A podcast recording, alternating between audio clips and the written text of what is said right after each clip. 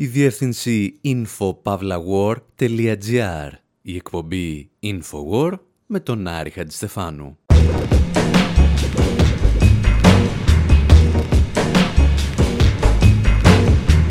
Όπου σήμερα σε πείσμα όσων σκόρπισαν το θάνατο στη Γαλλία σκεφτήκαμε να μιλήσουμε για τους λόγους που όλος αυτός ο κόσμος ήταν συγκεντρωμένος στην Νίκαια για να τιμήσει μια επανάσταση που έγινε πριν από 227 χρόνια στις 14 Ιουλίου του 1789.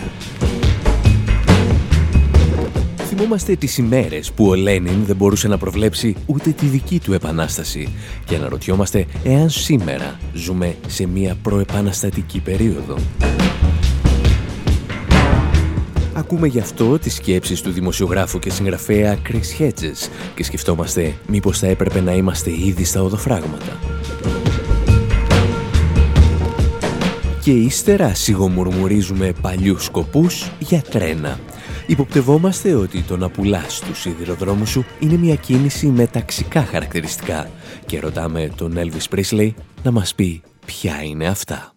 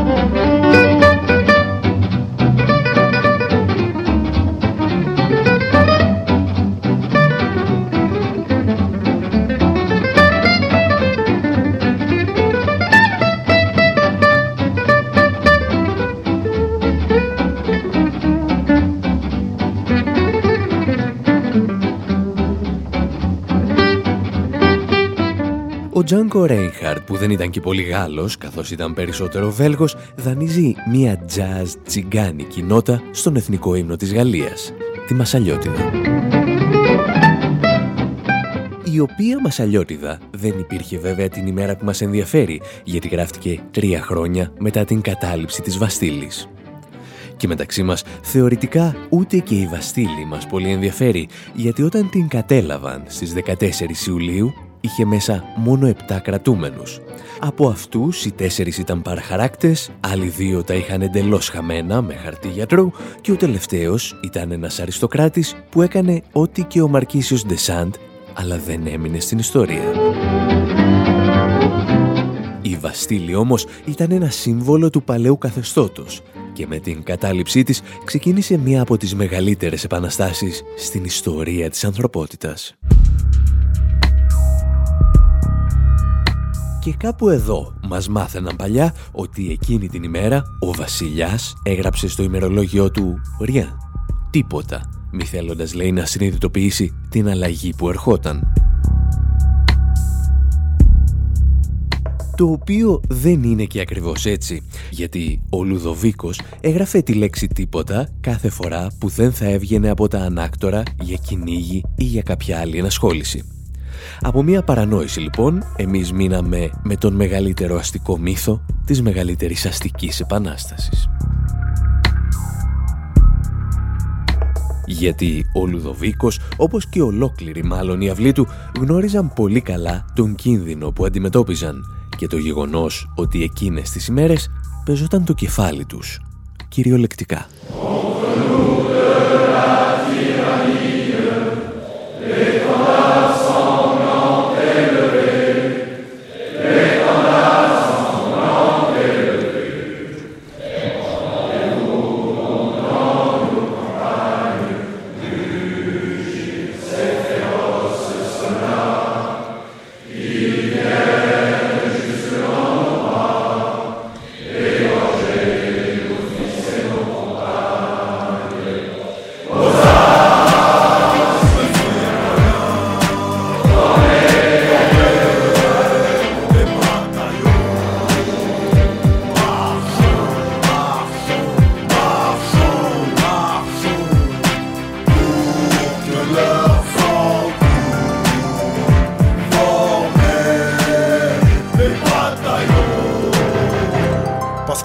Des Français est en baisse, le pays est en grève, à la révolte leur complot en grève.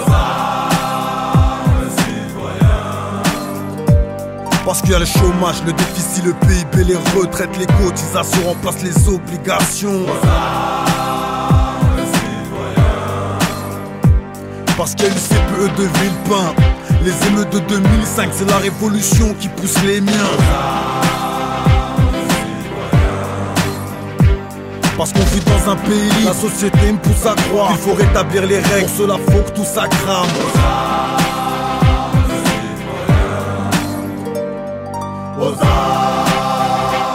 Το πρόβλημα με τους Γάλλους είναι ότι ενώ έκαναν πάντα τις καλύτερες επαναστάσεις, σχεδόν ποτέ δεν μπορούσαν να τις προβλέψουν. Λίγα 24 ώρα πριν ξεκινήσει η εξέγερση του Μάη του 68, η Μοντ κυκλοφορούσε με ένα editorial που έλεγε «Οι Γάλλοι βαριούνται, η νεολαία βαριέται, ο στρατηγός Ντεγκόλ βαριέται». Και ύστερα το Παρίσι πήρε φωτιά. Η Μασαλιώτιδα ακούστηκε και πάλι με την επαναστατική της ορμή όπως ακουγόταν και κατά τη διάρκεια της Παρισινής Κομούνας, όπως θα ακουγόταν αιώνες αργότερα σε ράπ ρυθμούς όταν θα εξεγείρονταν τα προάστια της γαλλικής πρωτεύουσας. Πριν από μερικά χρόνια, ο Σλαβόη Ζίζεκ, γράφοντας στον Guardian, επιχείρησε να δώσει έναν κανόνα με τον οποίο θα μπορούσαμε να προβλέπουμε τις εξεγέρσεις. Ο κόσμος, είπε, δεν ξεσπάς στο αποκορύφωμα της κρίσης, αλλά όταν βλέπει τις ελπίδες του να γκρεμίζονται. Όταν μια γενιά συνειδητοποιεί ότι θα ζήσει χειρότερα από τους γονείς της. Και μπορεί ο Ζίζεκ να συντάσσεται τελευταία όλο και συχνότερα με τα κόμματα της παλινόρθωσης, ο κανόνας του όμως έδειχνε να έχει μια βάση. Είχε επιβεβαιωθεί το Μάη του 68 αλλά ακόμη και στον ελληνικό Δεκέμβρη του 2008. Αν όμως η εξέγερση ξεκινά όταν σβήνει η Ελπίδα, η Αθήνα και άλλες πρωτεύουσες του Ευρωπαϊκού Νότου θα έπρεπε σήμερα να φλέγονται. Και ως γνωστόν δεν κουνιέται φίλο. Η αλήθεια είναι ότι οι τελευταίοι που καταφέρνουν κάθε φορά να προβλέψουν μια εξέγερση ή μια επανάσταση είναι οι εξεγερμένοι και οι επαναστάτες. Ο Λένιν, παραδείγματος χάρη, έξι εβδομάδες πριν από την Οκτωβριανή Επανάσταση, από την Ελβετία όπου βρισκόταν, δήλωνε ότι η δική του γενιά δεν θα ζήσει για να δει μια επανάσταση. Αντίθετα, ο Μάρξ και ο Έγγελς είχαν προβλέψει πολλές επαναστάσεις, οι οποίες δεν έγιναν ποτέ. Πώς προβλέπεις λοιπόν με επιτυχία μια επανάσταση; Σε λιγάκι θα ακούσουμε τη γνώμη του Chris Hedges, ο οποίος προβλέπει μια επανάσταση με τη βεβαιότητα που οι Kaiser Chiefs προέβλεπαν μια εξέγερση.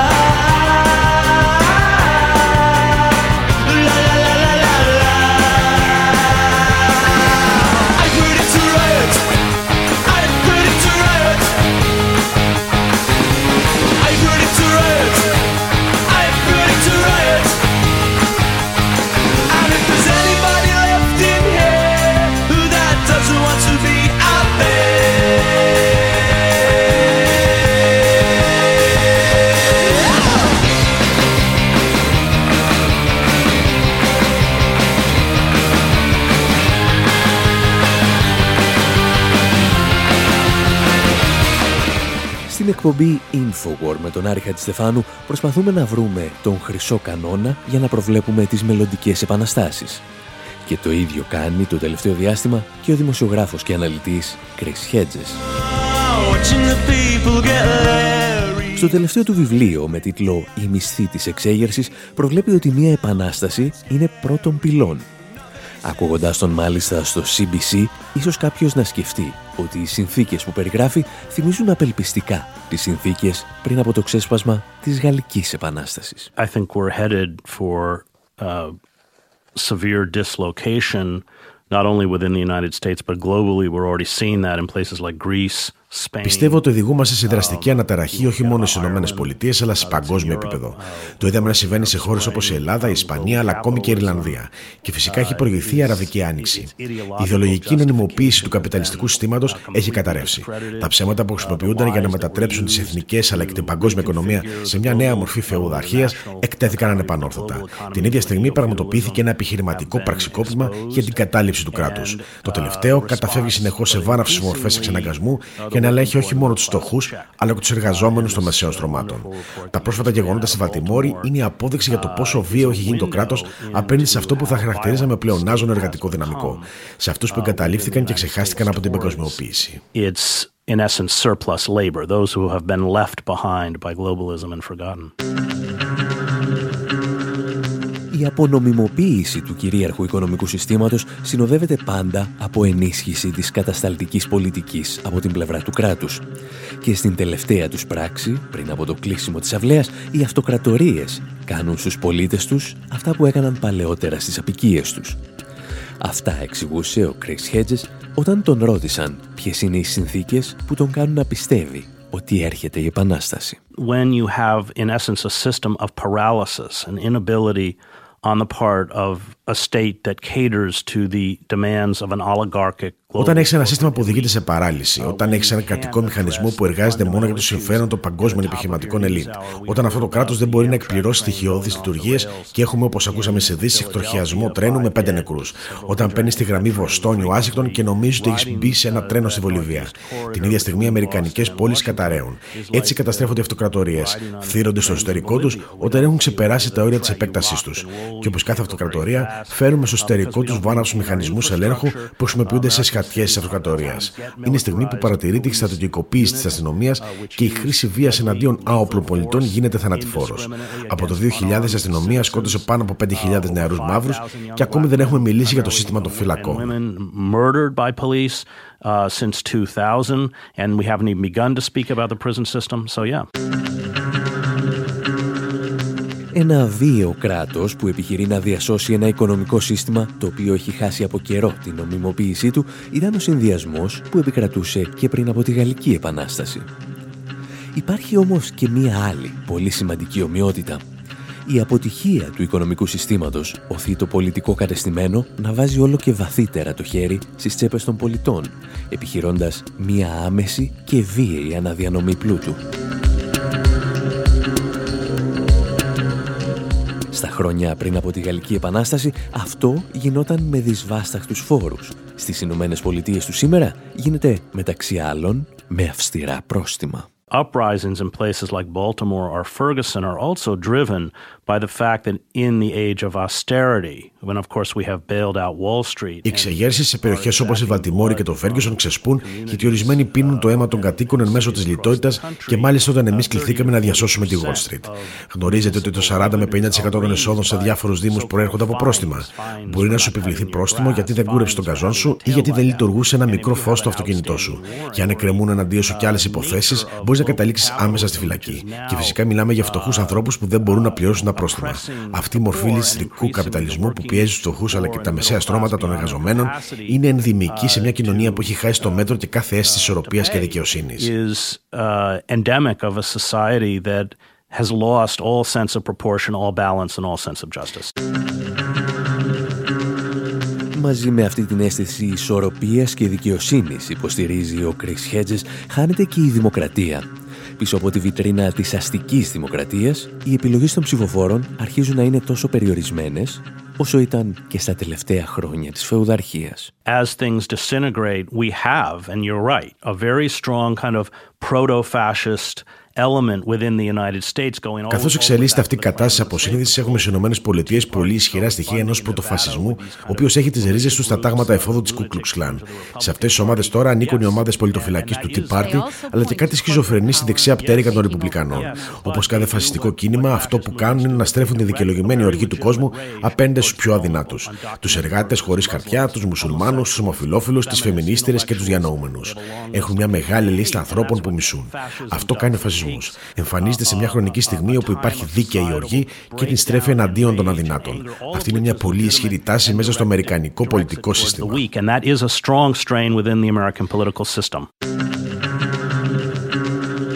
Είμαστε λοιπόν στα πρόθυρα μιας λαϊκής εξέγερσης ή μιας επανάστασης να προετοιμαζόμαστε να εισβάλλουμε στη σύγχρονη Βαστήλη.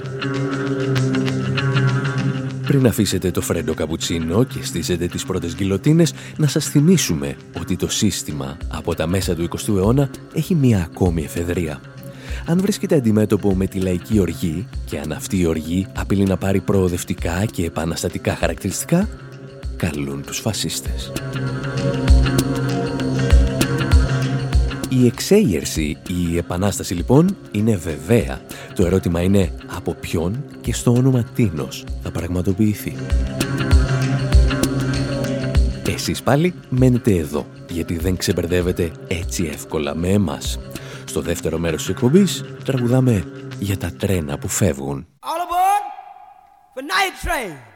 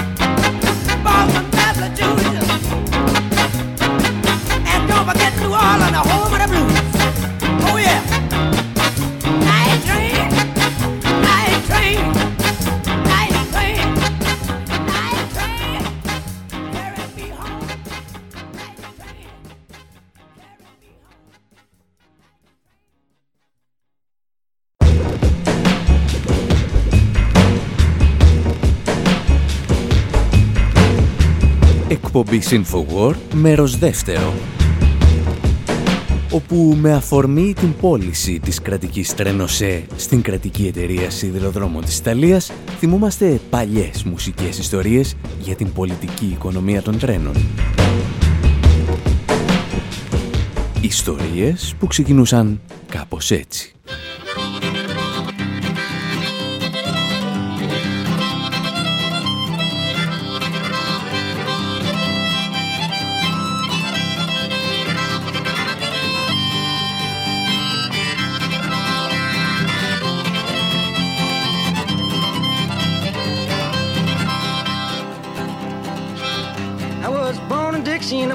Shack, just a little shanty by the railroad track. Freight train was taught me how to cry. Humming of the drivers and the lullaby. I got the freight train blue.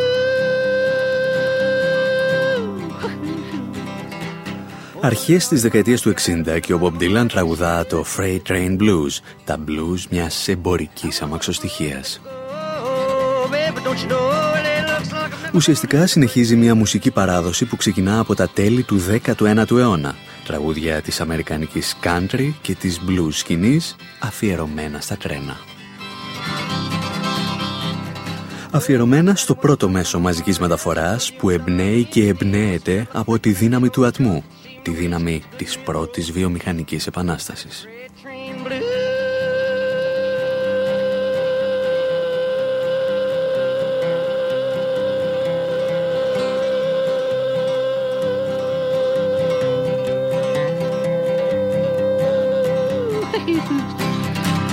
Έκτοτε μπορούσες να διαβάσεις την ιστορία αλλά και το μέλλον της οικονομίας μιας χώρας παρατηρώντας απλώς τις σιδηροτροχές και τις αμαξοστοιχίες.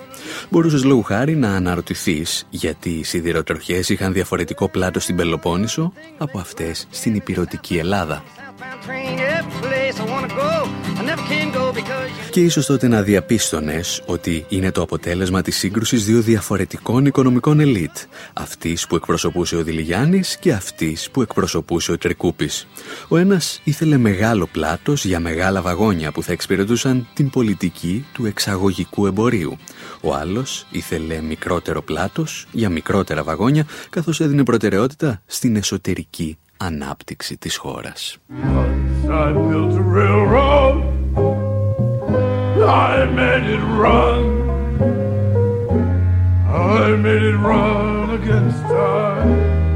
Αντίστοιχα οικονομικά μαθήματα όμως μας δίνει και η ιστορία των Αμερικανικών σιδηροδρόμων, ειδικά με τον τρόπο που τα διηγείται ο Tom Waits.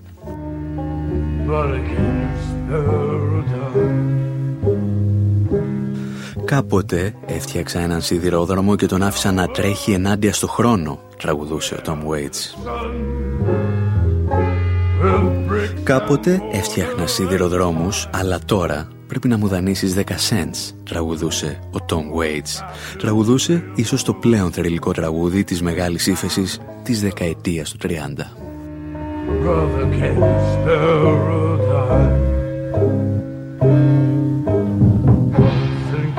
She will look swell.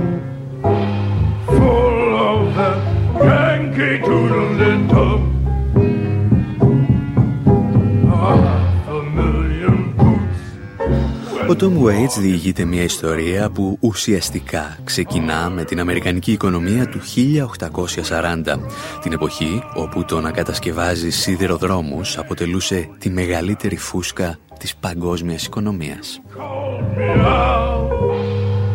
Δεκάδες ιδιωτικές εταιρείες άπλωναν χιλιόμετρα από μεταλλικές ράγες σε όλη τη χώρα, τροφοδοτώντας ένα πρωτοφανές για την εποχή κύμα κερδοσκοπίας. Ό,τι συνέβη δηλαδή πιο πρόσφατα με τις εταιρείες υψηλής τεχνολογίας και αμέσως μετά με την αγορά κατοικίας. Οι περισσότερες από εκείνες τις εταιρείες πάντως του 1840 είχαν χρεοκοπήσει σε λιγότερο από πέντε χρόνια. Οι φούσκες όμως στην αμερικανική οικονομία θα συνεχίσουν να έρχονται και να σκάνε μέχρι το 1929, οπότε η μεγαλύτερη από αυτές θα ανοίξει το δρόμο για τη μεγάλη ύφεση της δεκαετίας του 30.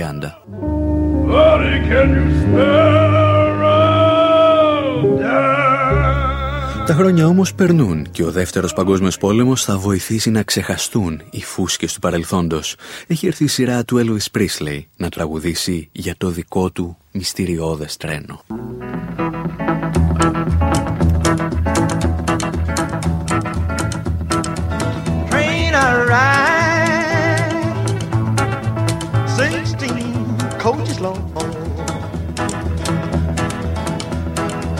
Train I ride, sixteen coaches long. Well, that long black train got my baby and gone. Train, train, coming round, round the bend. Train, train, coming round the bend. Well, it took my baby, but it never will again. Στην πραγματικότητα, ο βασιλιάς Έλβης, εάν δεν είναι ολότελα γυμνός, είναι τουλάχιστον εκτός κλίματος. Γιατί εκεί, στα μέσα της δεκαετίας του 50 που τραγουδά, η Αμερικανική κυβέρνηση και οι μεγάλες Αμερικανικές εταιρείες έχουν κηρύξει τον πόλεμο στα μέσα μαζικής μεταφοράς που κινούνται σε σιδηροτροχές.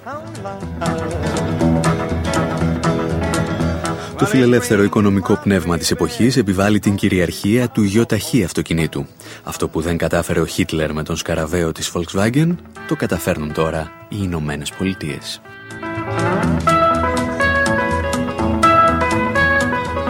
Οικοδομούν το μικροαστικό όνειρο της απόκτησης ενός αυτοκινήτου, το οποίο θα δώσει νέα όθηση στη βιομηχανία. Αυτή η βιομηχανία θα αποτελέσει τη νέα ατμομηχανή της δυτικής οικονομίας. Και το νέο μέσο δεν κυλά πλέον σε ράγες, αλλά στον αυτοκινητόδρομο του Αμερικανικού ονείρου, στο Route 66, για το οποίο τραγουδούσε ο Τσακ Μπέρι.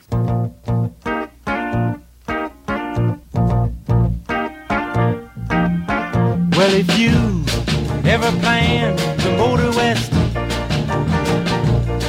Jack, take my way, it's the highway, that's the best.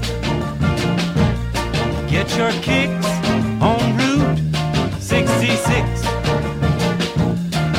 Well, it winds from Chicago to LA. More than 2,000 miles all the way.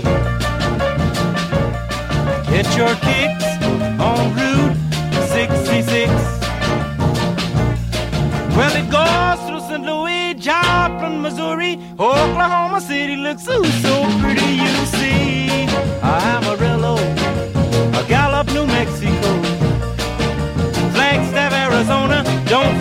Winona, Kingsman, Barstow, San Bernardino. Won't you get hip to this? Προκειμένου να εξασφαλίσουν την επιτυχία της αυτοκίνησης, εθνάρχες και ιδιωτικές εταιρείες σε ολόκληρο τον κόσμο αναλαμβάνουν να εξαφανίσουν ή να υποβαθμίσουν ό,τι κινείται σε ράγες και μαζί με τα τρένα την πληρώνουν ως γνωστόν και τα τραμ. Στις Ηνωμένες Πολιτείες, τη δολοφονία των μέσων μαζικής μεταφοράς αναλαμβάνουν κυρίως ιδιωτικές εταιρείες. Στείνεται έτσι η περίφημη συνωμοσία της General Motors. Μας τα εξηγούσε παλαιότερα το ντοκιμαντέρ Heartbeat of America. Once upon a time, Los Angeles was not shrouded in smog. Μια φορά και έναν καιρό, το Λος Άντζελες δεν καλυπτόταν από νέφος. Είχε ένα από τα καλύτερα δίκτυα ηλεκτρικών τραμ στη χώρα. Αυτά τα τραμ δεν απέτυχαν λόγω γεωγραφικών ή οικονομικών λόγων. Τα τραμ τα σκότωσε η General Motors.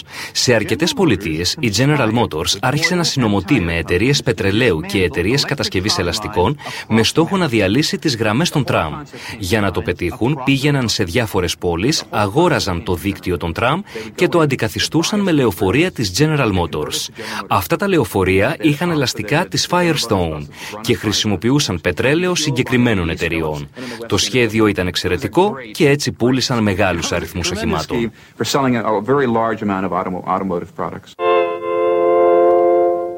There's an engine at the station when the whistle blows my name. It's calling, calling, calling, come and get aboard the train. My baby's gone and I'm alone to live in misery. I'm gonna call and make a reservation for me. Gonna ride a blue train. Gonna ride a blue train. Και ενώ ο Τζόνι Κάς ακούει ακόμη ένα μπλε τρένο να τον καλεί, οι χώρες που βαπτίζονται στην κολυμβήθρα της αμερικανικής οικονομίας αναγκάζονται να αποκηρύξουν τα τρένα. Ο Τούρκος πρόεδρος Τούρκου Ντοζάλ λόγου χάρη, καθώς η χώρα του εγκαταλείπει τον κρατισμό του και μάλατα Τούρκ, χαρακτηρίζει τα τρένα κομμουνιστικά δημιουργήματα. Στη χώρα του είχαν φτάσει αρκετά νωρίτερα Αμερικανοί μηχανικοί και εργολάβοι που απαιτούσαν τη δημιουργία αυτοκινητόδρομων, αφήνοντας το σιδηροδρομικό δίκτυο σε απόλυτη παρακμή.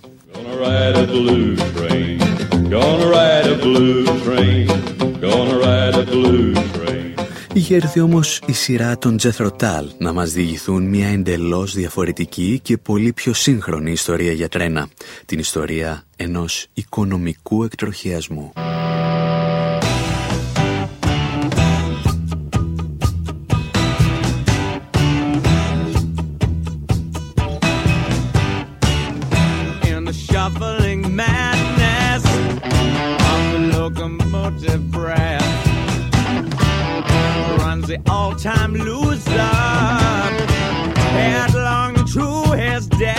Οι Τζεθροτάλ τραγουδούν για ένα τρένο που οδηγείται σε βέβαιη συντριβή. Κάποιος έχει κλέψει το μοχλό του φρένου και δεν υπάρχει πλέον τίποτα που να μπορεί να αποτρέψει την καταστροφή.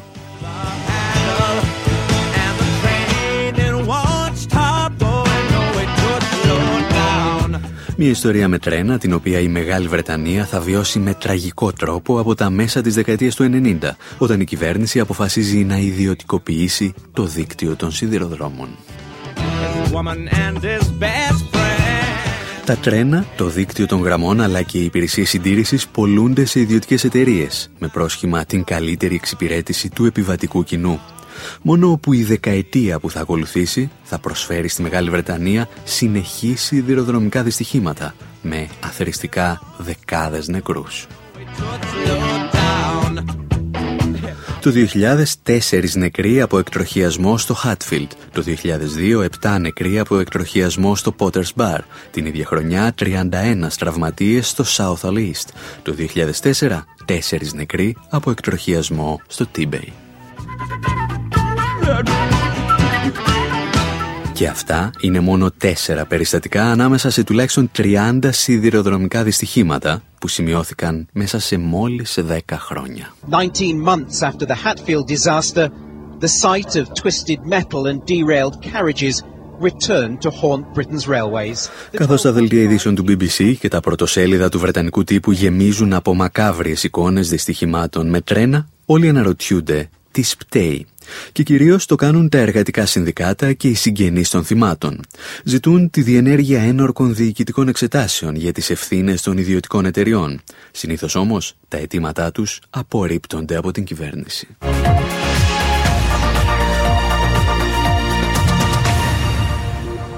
The families of those killed in the Potters Bar rail crash seven years ago won't get the public inquiry they've been calling for. Αρκετοί αναλυτές αποδίδουν τα ατυχήματα στην πολυδιάσπαση των παρεχόμενων υπηρεσιών. Άλλη εταιρεία ελέγχει τα τρένα, άλλη συντηρεί τις σιδηροτροχές και ούτω καθεξής. Τα βαγόνια εξυγχρονίζονται για να προσελκύσουν περισσότερους πελάτες. Καμία εταιρεία όμως δεν έχει κέρδος από το να εξυγχρονίσει το ίδιο το δίκτυο.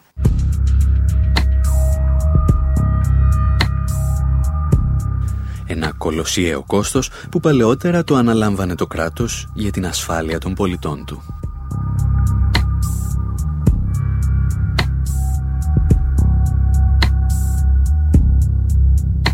Παρά τα δεκάδες δυστυχήματα και ατυχήματα στα μέσα της περασμένης δεκαετίας στη Βρετανία όμως, αρκετές ευρωπαϊκές χώρες σκέφτονται εδώ και χρόνια να προχωρήσουν και αυτές σε μαζικές ιδιωτικοποιήσεις. Και ο Άλεξ Γκόρντον, επικεφαλής του Συνδικάτου Εργαζομένων στα Τρένα της Μεγάλης Βρετανίας, προειδοποιούσε την Ευρώπη να μην ακολουθήσει τα βήματα της Αγγλίας. We have experienced now in Britain εδώ και μια δεκαετία γνωρίσαμε στη Βρετανία την ολοκληρωτική ιδιωτικοποίηση των σιδηροδρόμων, δηλαδή των υποδομών, των τρένων και των άλλων υπηρεσιών συντήρησης. Τα αποτελέσματα ήταν καταστροφικά τόσο για την ασφάλεια όσο και για την ποιότητα των προσφερόμενων υπηρεσιών.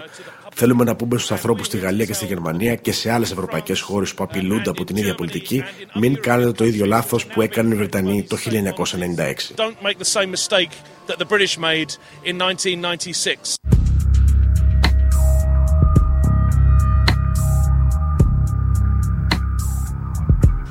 Από την πλευρά του, ο γνωστός οικονομολόγος Ben Fine από το Πανεπιστήμιο ΣΟΑΣ του Λονδίνου εξηγούσε πριν από χρόνια στο Infowar γιατί οι Γάλλοι και οι άλλοι λαοί της Ευρώπης δεν πρέπει να ακολουθήσουν το νεοφιλελεύθερο μοντέλο της Thatcher και του Tony Blair. If France really likes to be like Britain, wants to be like Britain, then Εάν η Γαλλία θέλει πραγματικά να γίνει σαν τη Βρετανία, θα πρέπει να προετοιμαστεί να αντιμετωπίσει τεράστιες ανισότητες στα εισοδήματα. Επίσης, θα πρέπει να αναμένει ότι η οικονομία θα γίνει λιγότερο παραγωγική και θα στηρίζεται περισσότερο στο χρηματοπιστωτικό τομέα. Θα πρέπει να γνωρίζουν ότι η χώρα τους δεν θα είναι σε θέση να τους προσφέρει ορισμένα πολύ απλά πράγματα, όπως τρένα που φτάνουν στην ώρα τους, χωρίς να εκτορχιάζονται στη διαδρομή. Προσωπικά δεν θα τους πρότεινα να αντιγράψουν αυτά τα χαρακτηριστικά της Βρετανίας. emulated.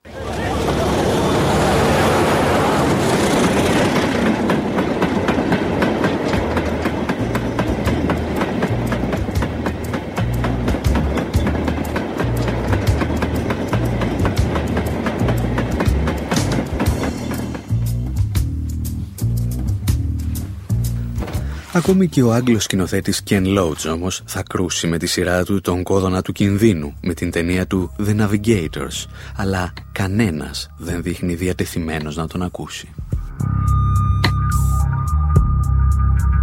Μέχρι τη στιγμή που ο ιός των εκτροχιασμών και των συγκρούσεων τρένων θα αρχίσει να χτυπά και άλλες χώρες της Ευρώπης.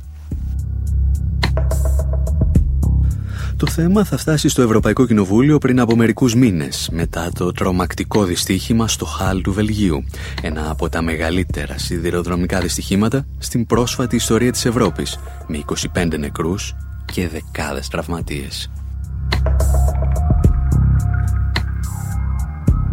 Ο Ευρωβουλευτής Τζο Higgins συνέδεε τότε τα ατυχήματα με τις ιδιωτικοποιήσεις, την ελληπή συντήρηση, την ασυνεννοησία μεταξύ των διαφορετικών εταιριών, αλλά και τις εξαντλητικές συνθήκες εργασίας. The appalling train crash near Hal was a dreadful tragedy for the victims, their family, work colleagues and friends. Η συγκλονιστική σύγκρουση των τρένων κοντά στο Χαλ αποτέλεσε μια τραγωδία για τους συγγενείς των θυμάτων, τους συναδέλφους και τους φίλους τους. Πρέπει όμως να διδαχθούμε από αυτήν και να αποφύγουμε και άλλα θύματα. Είναι προφανές ότι η πολιτική του νεοφιλελευθερισμού και των ιδιωτικοποιήσεων προκάλεσε τρομακτική ζημιά στο δίκτυο των σιδηροδρόμων. Οι εργαζόμενοι στα τρένα είναι εξοργισμένοι με την κατάσταση και αυτό έγινε εμφανές από τις αυθόρμητες κινητοποιήσεις τους που ακολούθησαν το δυστύχημα. Πρόκειται για το τρίτο σημαντικό περιστατικό που σημειώνεται στο Βέλγιο σε διάστημα 9 μηνών. Μπροστά μας έχουμε την προδοτική πολιτική της Ευρωπαϊκής Επιτροπής, η οποία με τις αποκρατικοποιήσεις θα επιδεινώσει την κατάσταση για την ασφάλεια. Γι' αυτή τα κέρδη των εταιριών μεταφορών έχουν μεγαλύτερη σημασία.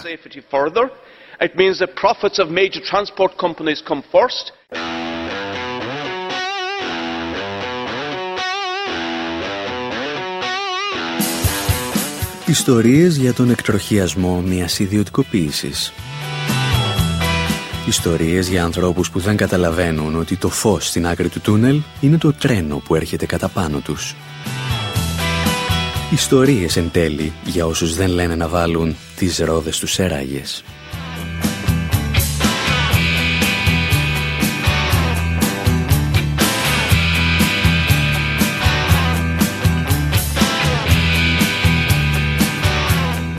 Κάπου εδώ όμως λέμε να σας αφήσουμε και για αυτή την εβδομάδα αφού σας θυμίσουμε ότι μας βρίσκεται πάντα στη διεύθυνση info.pavlawar.gr Από τον Άρη Χατζηστεφάνου στο μικρόφωνο και τον Δημήτρη Σαθόπουλο στην τεχνική επιμέλεια, γεια σας και χαρά σας.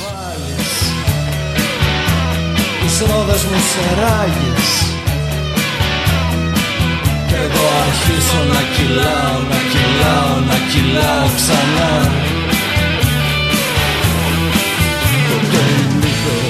θα με ψάχνουν κι άνεργες θα θρυνούν Θα πέφτουν μανιασμένες οι βροχές και θα ρωτούν Τι έγινε εκείνο το τρένο που έβλεπε Τι έγινε είναι εκείνο το τρένο που έβλεπε Τα άλλα τρένα να περνούν. Τα άλλα τρένα να περνούν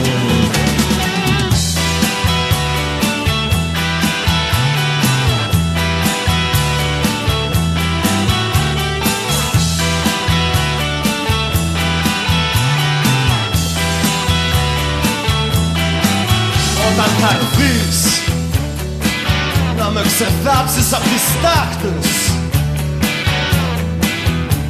και διώξεις από πάνω μου όλη τη σκουριά και ξαναβάλεις τις ρόδες μου σε ράγες κι εγώ αρχίσω να κυλάω, να κυλάω, να κυλάω ξανά οι λύπες θα με ψάχνουν κι άνεργες θα θρύνουν θα πέφτουν μανιασμένες οι βροχές και θα ρωτούν. Τι έγινε εκείνο το τρένο που έβλεπες; Τι έγινε εκείνο το τρένο που έβλεπες; Τα άλλα τρένα να περνούν άλλα τρένα να περνούν.